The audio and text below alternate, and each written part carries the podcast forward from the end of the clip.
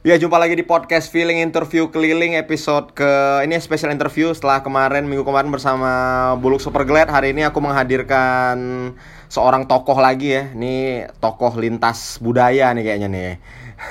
Jadi ada seorang yang ada di ujung sana. Kita punya Ernest Prakasa. Apa kabar kok? Halo baik ya. Iya. Uh, kemarin katanya habis bungkus syuting habis rap uh, syuting apa kira-kira tuh kok? Syuting Imperfect Series uh, syutingnya panjang banget ke jeda-jeda soalnya kita lagi prep tiba-tiba berhenti kita lagi syuting tiba-tiba berhenti begitulah. Suka duka covid. Mulainya dari awal covid atau dari tengah-tengah covid tuh? eh kita baru mau mulai tiba-tiba covid. Jadi persiapannya kita hold. Terus setelah ada apa apa pelonggaran PSBB jadi kita menyesuaikan sama situasi aja. Pokoknya kalau memang situasi memungkinkan kita syuting kalau enggak ya kita stop dulu gitu Oh, pada akhirnya Inter Imperfect Series ini rencananya akan tayang di mana? Apa di Huka atau platform lain atau gimana? tayangnya di WTV iFlix Oh, WTV iFlix. iya kayak Yowis Band series sama di Oh, situ gitu. juga Akan ada berapa episode mungkin dibocorin dulu sedikit mungkin? ada 12 episode masing-masing episodenya durasinya kurang lebih setengah jam Hmm, ya standar series lah kok ya. ya standar series lah Standar series. Mungkin kalau teman-teman yang udah pernah dengar nama Ko Ernest tahu pasti film pertamanya adalah Ngenes ya, Ngenes 2014 kok ya. ya 2015 dong 2015, Ngenes 2015. Itu ceritanya tentang pengalaman seorang berketurunan Tionghoa yang hidup eh, di masa-masa orba lah tuh menghadapi berbagai macam bulian tuh. Kalau boleh tahu nih kok Koko terlahir dengan nama Ernest Prakasa atau punya nama Cina juga entah Ernest Zeng atau Ernest Chen atau apa gitu. Kenapa harus Zeng ya? Eh, ya karena karena ada Livi kan kok yang seindustri juga. Bokap gue kayaknya udah punya feeling kalau karena dia juga besar di lingkungan pribumi, jadi kayak dia udah punya feeling kalau nama Cina hanya akan membuat gue repot gitu. Jadi gue nggak dikasih nama Cina sama doi.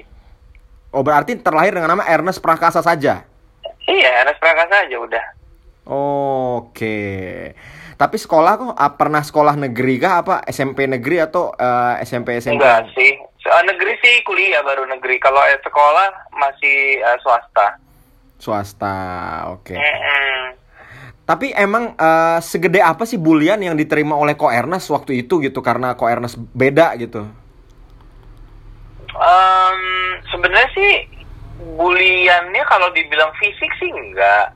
Mm-mm. lebih kepada eh, verbal ya. Cuman verbal juga kalau dialamin berturut-turut selama kurang lebih 9 tahun dari SD sampai SMP kan lumayan juga ya, pegel juga gitu. Berarti di SMA udah berakhir apa karena udah jadi keren di situ apa emang Bukan SMA? jadi keren, SMA gue Cina semua, siapa yang mau ngatain Cina? Orang Cina semua. Berarti di Aneh banget. SD SD itu ya SD Pribumi, SMP SMP Pribumi gitu ya. Iya, betul. Oh iya iya iya. Jadi emang yang dihadapi di mostly yang di ada di Ngenes itu kisah nyata yang di yang di itu lagi ya, yang direka ulang Kurang lagi. ya? lebih, kurang lebih yang ada di Ngenes itu ter- tergolong em, tinggi lah ininya, tingkat akurasinya sama kehidupan nyata. Oke. Haha. Ngenes sempat berapa novel tuh kok kalau nggak salah kok? Tiga, tiga, tiga Oh, buku. Tiga buku.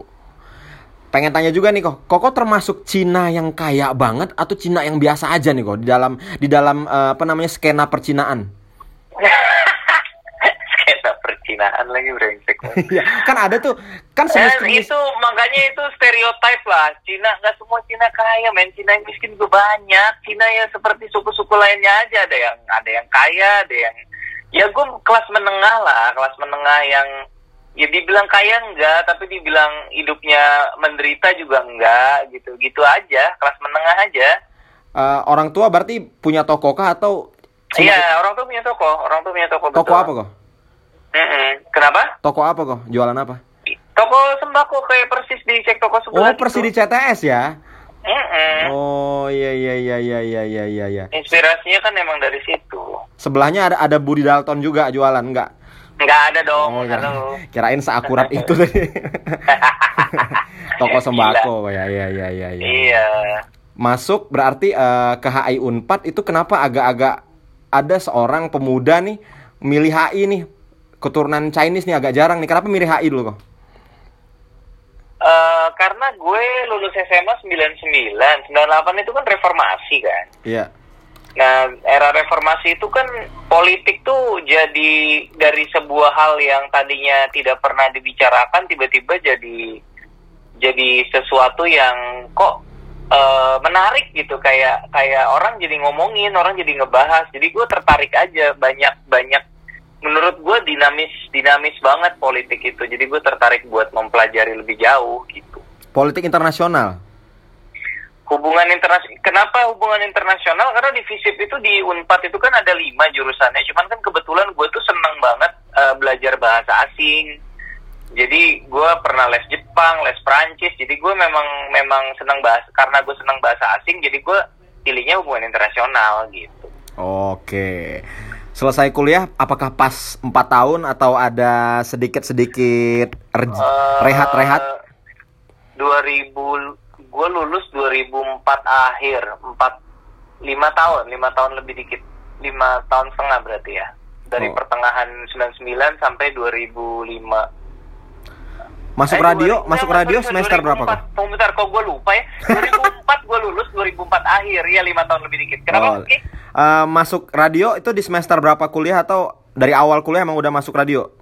Enggak lah, masuk radio itu 2001 uh, eh, semester aduh gue susah nih kalau kayak gini.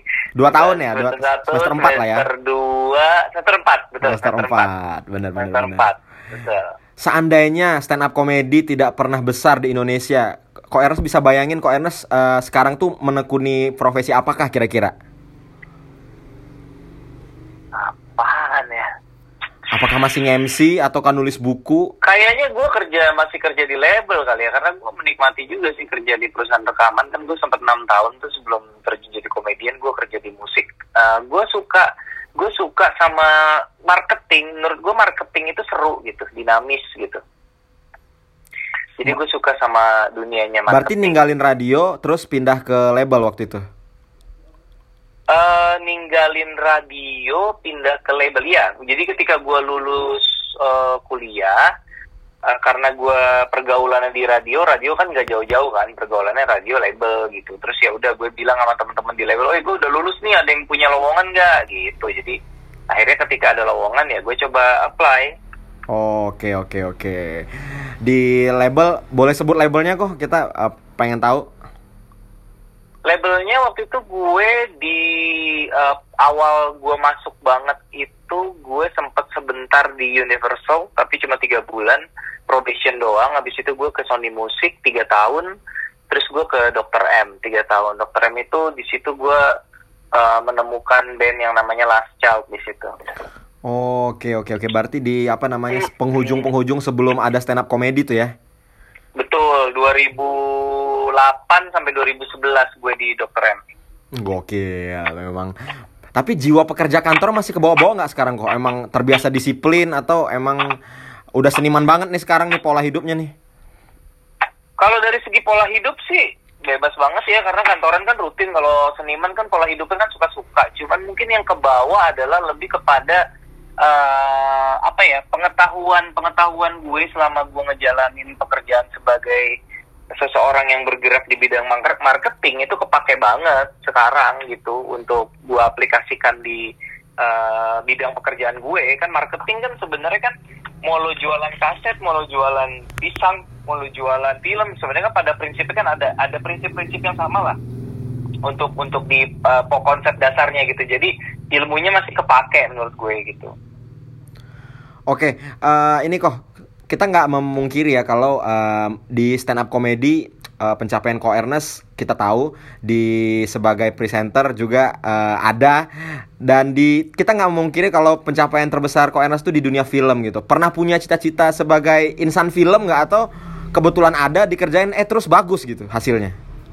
Sejujurnya banget nggak sama sekali sih gue gue dari dulu cinta film sebagai penonton tapi gue nggak pernah banget punya mimpi menjadi filmmaker karena jalur gue melihatnya pada itu jalur hidup gue nggak ke sana gitu kan um, tapi ketika dijalani uh, awalnya kenapa berani karena uh, gue ngelihatnya uh, gue kan suka banget uh, apa namanya bikin film gitu. Eh sorry, suka banget nonton film. Nah sekarang ada kesempatan bikin film. So gue karena gue seneng nyoba ya, maksud gue gue akan nyoba gitu. Kalau ternyata gue nggak suka atau gagal ya tinggal masalah mau mau nyerah atau nggak mau dia lakukan lagi karena ah, ternyata nggak gue banget. Ya itu urusan nanti. Tapi paling nggak dicoba dulu gitu. Sama aja kayak YouTube YouTube juga gue sempet setahun jadi youtuber gue coba dulu gitu. Jadi gue nyoba dan ternyata saat mencoba gue menemukan sebuah keseruan yang yang sulit ditandingi di profesi lain gitu. Oh berarti se sebagai niat awalnya tuh dari awal tuh emang uh, ini ada ada apa namanya ada kesempatan kenapa nggak dicoba? Padahal dulunya cuma pengen jadi penonton gitu kok ya? Dulunya ya gue dari zaman SMP tuh gue udah senang nonton sendirian ki. Jadi gue mau cinta banget cinta banget nonton bioskop memang.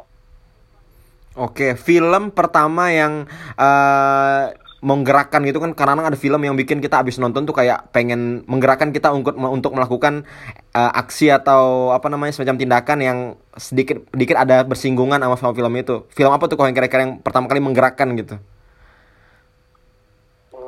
Yang kayak wah ini move banget nih harus jadi kayak gini gitu loh. Sekarang sekarang ini setelah gue jadi filmmaker atau dulu maksudnya? Dulu waktu awal-awal sebelum oh. film pertama banget. apa ya nggak nggak kepikiran sih. Ya itu dia tadi gue bilang gue tuh nggak pernah punya mimpi jadi filmmaker juga gitu. Jadi nggak pernah ada yang menggerakkan gue wah gue harus bisa nih bikin film yang begini. So far sih belum pernah ada sih Ki. karena memang belum pernah bercita-cita ya sejujurnya gitu. Uh, maksudnya film yang disenengin banget kok sampai kayak uh, mengidolakan sampai uh, nungguin sequelnya dan sampai mengulik-ngulik tentang itu. Sampai pokoknya film favorit banget lah waktu itu kok.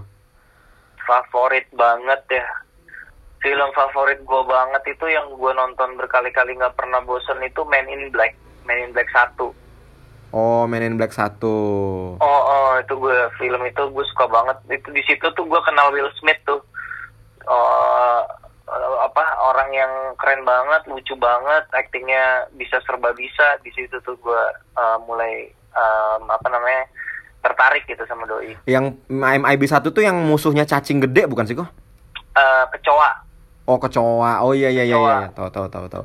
Terus sempat diganti nama cewek. Cacing gede, cacing gede tuh main in black 2, iya itu oh, cewek. Oh iya iya yang cewek yang itu yang itu. Yang cewek jadi jagoannya mah main in black uh, yang internasional. Amerika, iya versi Amerika. Internasional berarti berarti itu ya film yang lumayan suka ditonton. Tapi setelah menjadi seorang filmmaker nih, dihitung hmm. mulai dari produksi ngenes lah lebih jadi ngulik-ngulik film nggak sih kok atau ya udah nih seitunya aja lah sengalirnya aja lah gitu Iya pastilah begitu gue nyobain nyobain ngedirect langsung menemukan bahwa gila ya ternyata ngedirect ini ribet ya gitu. Nah karena karena ribet itu jadi kayak tersadar bahwa ada banyak hal yang harus gue pelajarin gitu. Jadi ya ya harus belajar gitu harus harus giat harus giat uh, mencari ilmu baik dari buku dari YouTube segala macem Berarti sekarang uh, kalau untuk se setelah menjadi filmmaker, kok Ernest jadi suka nonton film-filmnya siapa nih? Atau apakah punya sutradara panutan entah Cameron, entah Quentin Tarantino, entah Woody Allen, entah siapa gitu?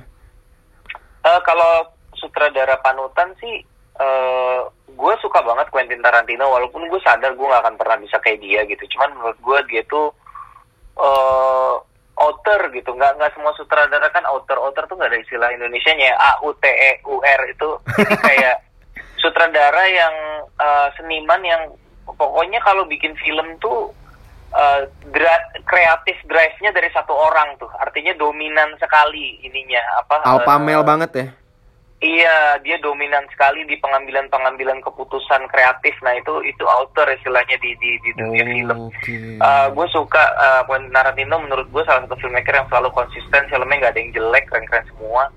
Yang keren juga tuh sebenarnya yang gue suka adalah si uh, Alex Garland.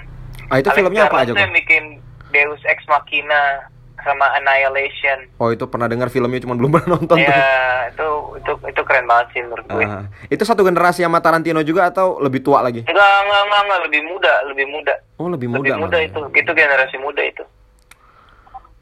Ba ketika film Ko Ernest menuai berbagai sukses mulai dari CTS, kemudian tuh udah kayak bola salju aja ke Mili Mamet, ke Susah Sinyal sampai ke Imperfect. Uh, banyak kritikus yang kebetulan saya baca kok menunggu Ernest udah uh, punya zona.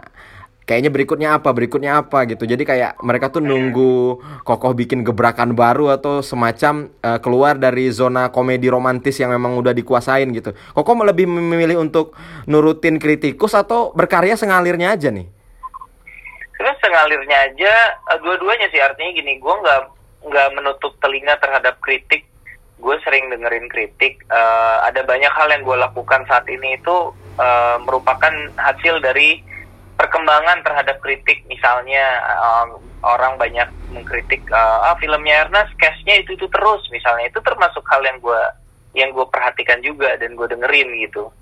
Um, terus ada juga yang bilang uh, misalnya komedinya suka kepisah sama dramanya kurang iya tuh, kayak gitu-gitu kayak gitu-gitu gue perhatiin jadi ketika gue bikin misalnya gue bikin uh, imperfect gue coba untuk gimana ya caranya supaya komedi itu bisa lebih ngeblend sama dramanya. Jadi karakter-karakter lucu ini bukan sekedar karakter tempelan yang ketika diangkat filmnya lantas nggak ngaruh dan tetap bisa bekerja dengan baik. Karakter-karakter ini karakter yang esensial yang nggak bisa lo remove kalau mau filmnya jalan kayak gitu sih. Jadi gue mendengarkan kritik juga, tapi kalau untuk arah berkaryanya lebih kepada apa sih perbaikan yang bisa gue lakukan gitu. Tapi kalau arah berkaryanya sih gue gue punya jalur gue sendiri. Kalau ditanya uh, keluar dari zona nyaman, gue pengen banget bisa bikin action. Tapi gue tahu action itu tingkat kesulitannya paling tinggi lah dari dari dari semua dari semua ini apa uh, genre film menurut gue salah satu yang paling tinggi itu action. Yang pasti lebih sulit yang pasti lebih susah daripada bikin drama gitu. Dan ya gue tahu diri aja kayaknya untuk saat ini gue belum waktunya gitu. Someday gue pengen sih pengen banget bikin action gitu. berarti Ko Erna termasuk seniman yang uh, lebih realis ketimbang idealis. Setuju gak sih? Um, tergantung bagaimana lo mende mendefinisikan idealisme ya. Kalau idealisme kalau idealis di, disamakan dengan misalnya film itu lantas menjadi art house menjadi sulit uh, men, men, berkoneksi dengan masyarakat luas ya. Menurut gue nggak juga. Idealisme idealisme gue kan adalah gimana caranya bikin drama komedi yang dramanya kuat komedinya lucu dan uh, berdampak ke orang ketika habis nonton tuh nggak gampang lupa gitu loh itu idealisme gue gitu mungkin buat hmm. sebagian orang apaan itu mah itu mah bukan idealis lah itu mah uh, mainstream ya nggak apa-apa berarti idealisme gue mainstream gitu jadi buat gue sih um, bikin film itu yang gue suka adalah yang seperti itu. Masalah nanti uh, masih berkutat di area drama komedi, lebih karena gue ngerasa gue belum ready untuk untuk melangkah lebih jauh dari itu. Semoga segera bisa lebih siap Oke, uh, kalau stand up komedi kok ada tergerak bikin spesial lagi nggak atau tour mungkin? Kalau covid udah sebenarnya ada. Sebenarnya pak tahun depan itu gue mau tour karena kan tahun depan itu 10 tahun gue berkarya sebenarnya. Jadi gue udah merencanakan tour bahkan untuk di Jakarta gue udah booking lo udah booking lokasi sebenarnya. Cuman ya karena keadaan seperti ini jadi mau nggak mau ya uh, harus ditunda dulu gitu. Hmm pernah punya pengalaman ngebom oh ngebom yang sampai sekarang masih diingat tuh saking pahitnya tuh sebagai stand up komedian. Tiba-tiba, ya udah balik. Oh okay. ya, uh, pernah punya pengalaman ngebom terpahit nggak kok sebagai seorang stand up komedian kok? Kayak wah ini diingat banget nih malam ini nih gitu. Apa terpahit ngebom terpahit? Ya ngebom terpahit dalam karir stand up komedian. Ngebom terpahit ya Uh, Atau ngebom terlucu deh, ngebom terlucu deh. Ngebomnya gara-gara hal-hal yang tidak disangka-sangka gitu. Uh, ada sih pengalaman ngebom paling lucu tuh. Jadi gue pernah, gue bareng Ari tuh gue inget banget. Jadi kami berdua di hire untuk ngisi sebuah acara di Palembang. Itu gue stand up di Ballroom Hotel. Acaranya salah satu uh, otomotif jadi dia gathering buat dealer lah. Oke. Okay. Uh, gathering dealer. Jadi round table tuh ki, round table oh, kan. Yeah. round table tahu sendiri lah dan yeah, seperti yeah. apa horornya round table itu. Cuman yang yang lucu tuh gini, begitu acara stand up dimulai, ternyata dibarengin sama mereka oleh acara jualan. Jadi untuk masing-masing meja yang isinya dealer-dealer itu ada satu sales presentasi di setiap mejanya. Hah? Jadi di masing-masing meja tuh selama gue stand up, salesnya lagi jualan. Iya nih Pak, nih kalau Bapak ngambil paket ini nih kita baru begitu setiap meja. Jadi Berarti setengah jam tuh. dia- nggak ya dua 15-20 menit akhirnya nggak ada yang merhatiin karena ada yang ngomong di depan mereka gitu gimana bingung juga kan Iya iya iya iya. iya, itu iya, mungkin iya. pengalaman yang sangat super absurd itu tahun berapa tuh kok kira-kira kok? Eh, mungkin sekitar 2015 atau 2016 lah lupa juga Hmm. Ada kala ada ada kan eh, kebetulan saya ngikutin Ko Ernest dari Twitter ikut ke Instagram. Ada zaman di mana job Ko Ernest tuh setiap minggu hampir stand up keluar kota mulu tuh. Kira-kira 2012 2013 tuh. iya Yang kayak tiap Iya, minggu tuh jadi- ada aja jobnya tuh. jadi gue tuh belakangan tuh setahun dua tahun terakhir ki sejak gue eh, film itu memang jobnya agak bergeser kalau dulu kan memang utamanya stand up belakangan ini lebih stand up masih tapi jarang yang lebih banyak itu adalah talk show sebenarnya Oke. talk show talk show talk show soal industri kreatif soal eh, film soal passion soal soal kayak gitu gitulah soal penulisan kayak Hmm. gitu gitu Eh, ada kalanya waktu itu eh, sebagai bisa dibilang udah kayak band tuh yang manggungnya setiap minggu udah pasti ada di kota-kota yang berbeda gitu kok. Hmm. Heeh.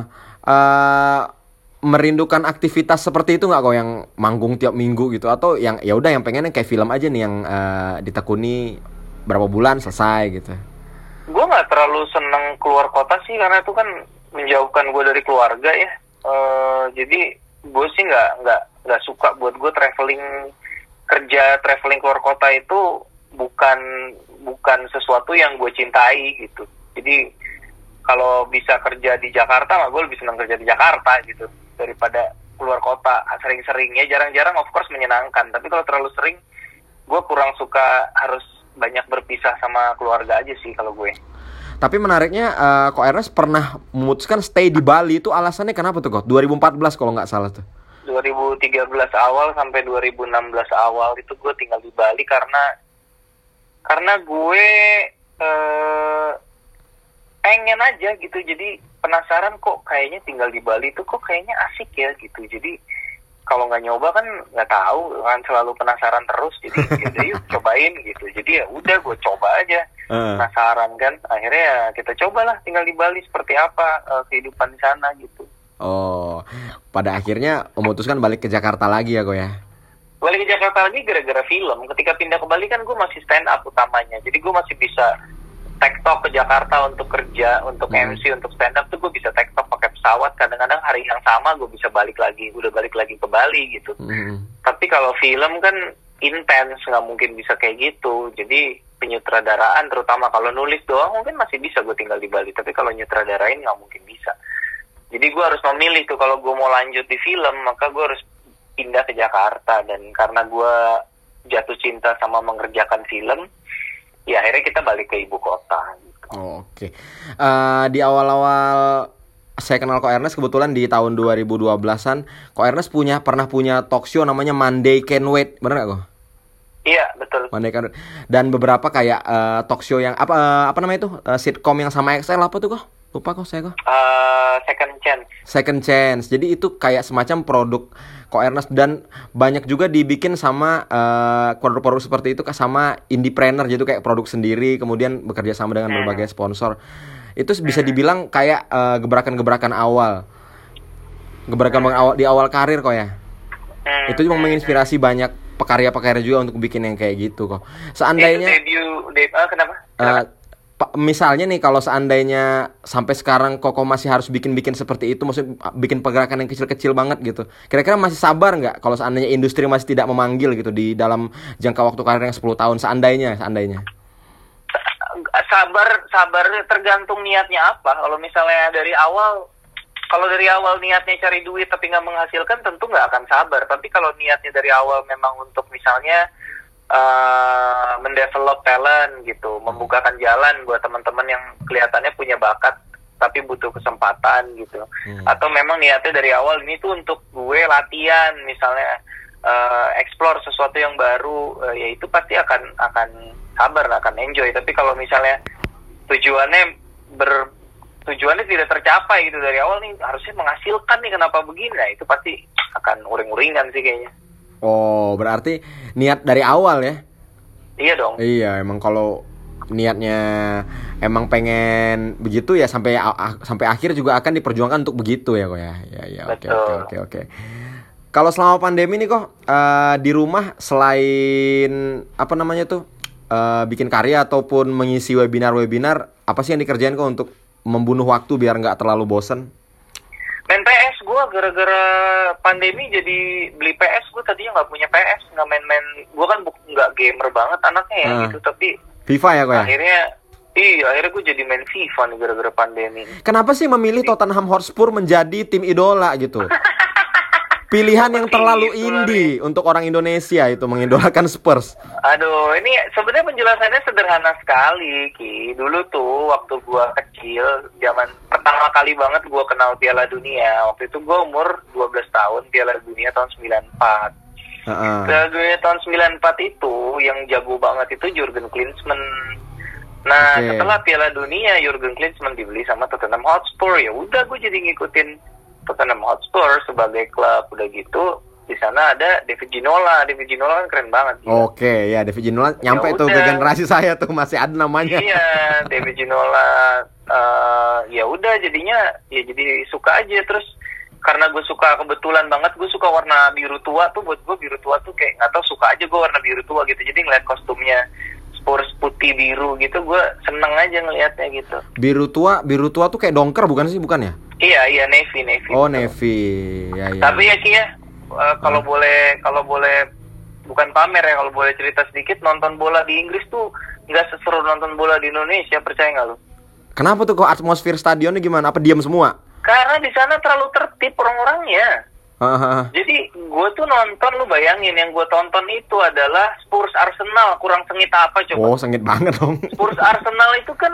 derby London Utara kan. Iya. Maksudnya yeah. itu harusnya tuh sengit banget gitu. Tapi atmosfer di dalam stadion mah dibandingin nonton AFF di di Senayan mah langit dan bumi lah gitu. Nggak nggak nggak hype gitu. Orang-orangnya tuh tertib, kalem gitu tuh lu. Jadi gue nonton kecewa sih gue tuh honest nonton di Inggris. Gue pikir nonton Liga Inggris pengalamannya akan seperti apa gitu. Ternyata oh gini nonton Liga Inggris. Ya keren sih tertib gitu. Nggak ada pagar pembatas tapi orang pada tertib. Tapi si tertibnya itu membuat atmosfer jadi nggak seru menurut gue. Mereka cuma bereaksi cuma kalau gol doang apa gimana? Iya jadi jarang ada chant chant gitu tuh. Hanya ya adalah sebagian kecil ada ultras area ultrasnya gitu. Cuman lebih banyak orang-orang yang datang emang untuk kayak mungkin ada yang turis juga kayak gue gitu. Oh, jarang yang hardcore fan gitu. Jadi oh, iya, iya, iya, iya. jadi atmosfer stadion tuh kalem banget menurut gue. Kurang begitu seru sih. Agak kecewa sih gue. Berarti itu uh, Tottenham Arsenal yang ditonton langsung. Tapi ternyata lebih seruan nobar di kafe ya. Iya bener. Di kafe kamera itu... ada ada replaynya bisa nonton. Itu kalau udah gol udah nggak ada replaynya. Oh iya juga sih Berarti itu kok bahas bola ya tadi ya. Nah, sekarang tadi yeah. mau iya. bahas apa sih lupa saya ini. Sekarang lagi disuka denger lagu apa sih kok lagu-lagu yang zaman sekarang gitu. Karena kalau saya lihat nih pemilihan soundtrack dari Ngenes sampai ke Imperfect tuh uh, bekerja sama dengan seniman yang lintas genre dan lintas ini nih, lintas apa namanya tuh? Lintas fans gitu. Jadi ada yang indie banget, ada yang uh, pop banget gitu. Kok kok dengar musik apa sih aslinya? Kalau lo udah sampai di usia-usia kayak gue gini tuh dengerin musik baru tuh sebenarnya susah ya, karena lebih udah males gitu kayak udahlah dengerin yang gue tahu aja gitu cuman memang uh, eh, gue kadang-kadang kalau lagi bosen memang uh, apa ya di Spotify kan ada macam-macam playlist tuh ya iya yeah. jadi gue ini aja gue gue shuffle aja iseng by genre gitu hmm. um, salah satu artis baru yang yang kekinian tapi ternyata gue enjoy dengerin tuh si ini si Lauf. Lauf? Mm -mm. oh tulisannya kok? Saya nggak tahu juga Lauf. Wah lu lu anak ini sih indie banget. L A kalau lu kalau lu kalau lu denger lagunya pasti lu tahu deh. Oh iya iya iya. Oke oke oke oke oke oke oke oke. L A U V. Oh L oh L A U V tahu. Cuman belum iya. I like me better when I'm with you. Itu enak enak kok. Lagunya enak enak Soalnya banyak nih abang-abangan kita nih yang uh, generasi 90-an stuck di 90s sudah di CD di mobilnya 90s semua. kayak di alternatif. Ini kayak uh, memang kayak kayak lebih seneng hidup di masa mudanya gitu nggak iya, mau uh, oke. Diputarin cranberries. Wah semuanya tuh langsung tuh. Ngikutin tuh tangan ngikutin. Nah, yo jombe jombe tapi sebagai penyiar radio kok punya nggak lagu di zaman zaman koko nyiarin radio tuh? Di request mulu sama pendengar sampai bosan kita ngabulinnya sampai bosan dengernya gitu zaman zaman koko siaran ada lah ada lah pasti gitu. apa tuh kok yang zaman zaman koko siaran yang populer banget lagu zaman gue siaran tuh yang yang penyiar sampai enak banget ya karena di requestnya udah kayak apaan tahu tuh Aserehe bukan? Lagu, lagu Indonesia apa lagu Barat nih? Ya dua-duanya deh. dua-duanya ya. Kalau lagu Indonesia tuh salah satu yang paling pengeng banget tuh ini apa uh, Dikta KKSK tau gak? Aduh, karena aku sayang gila. kamu. Yoi, wah itu gila itu itu bener-bener pengang denger lagu itu sampai enak banget. Iya, iya, iya, di iya, radio iya. gue tuh ada policy satu jam itu eh satu lagu itu nggak boleh diputar lebih dari satu kali dalam satu jam. Uh. Tapi di radio-radio tetangga ada juga yang benar-benar power to the people gitu. Jadi gue inget banget dulu di Bandung ada 99ers, sekarang kayaknya udah nggak ada di 99ers. Uh, udah. Itu rekornya satu jam mereka muter lagu itu sampai tujuh kali ki, satu jam. Itu by request atau emang mereka inisiatif iya, di jam request. Oh, Saking jam banyaknya yang request. Jadi menurut mereka ya kalau banyak yang mau, kenapa enggak diputernya terus gitu. Sementara music director kan, musik director gue kan nggak mau demokrasi banget ya radionya ya berarti ya? demokrasi ya? banget uh, demokrasi uh, banget people power kalau yang barat kok yang barat kok yang barat uh, uh. yang zaman yang dulu. barat uh, oh yang paling parah sih salah satu yang teringat di gue tuh In Rush Blackstreet oh iya iya iya iya oh In iya, Rush iya. tuh sinting sih pada zamannya tuh requestannya buset In Rush mulu one hit wonder tapi kok ya Iya sih wanita. Kayak Arkarna juga. Arkarna terakhir-terakhir nah, bawa lagu Indonesia dia. So little time so much to do and spend my days with you. Iya iya iya. Iya iya itu kayak quality time sama orang yang kita suka, kita nggak mau pisah gitu. Iya iya iya benar benar benar. Nah itu uh, sedikit sejarah uh, Ko Ernest sebagai penyiar radio juga udah kita bahas tadi. Dan ini nih kok uh, kalau ditanya generasi Z sekarang kok uh, kelemahan yang paling nyata terlihat di generasi kok apa nih generasi Z ini gitu. Kayak misalnya ah, anak sekarang gini banget gitu. Kayak kan uh, orang-orang yang umur di atas suka ah generasi sekarang kok gini banget ya? Apa yang terlihat di kokoh generasi Z ini kenapa gini banget? gitu loh. Jadi pertama-tama menurut gua memang masing-masing generasi kan pasti berbeda ya. Berbeda berbeda keadaan berbeda karakteristik gitu jadi kalau gue lihat memang generasi yang generasi yang digital native ini yang dari lahir sudah terpapar internet gitu mm-hmm. itu memang punya tingkat uh, kegigihan atau kesabaran tuh lebih rendah. Tapi ini tidak tidak sepenuhnya salah mereka ki. Karena gini menurut gua dulu zaman zaman gua ngomong gua apa kita ya? Zaman gua deh. Zaman gua kecil. Zaman gua zaman kita kecil lah. Zaman kita iya, kecil yeah, yeah, kan kalau ada acara TV yang lo seneng kan misalnya gue dingin banget dulu zaman nonton Sensei ya di RCTI lu nunggu udah nunggu lama cuma nonton nggak nyampe setengah jam terus bersambung terus lu nunggu seminggu lagi gitu. Lebih sabar ya? Iya untuk pleasure jadi, aja sesabar seminggu gitu.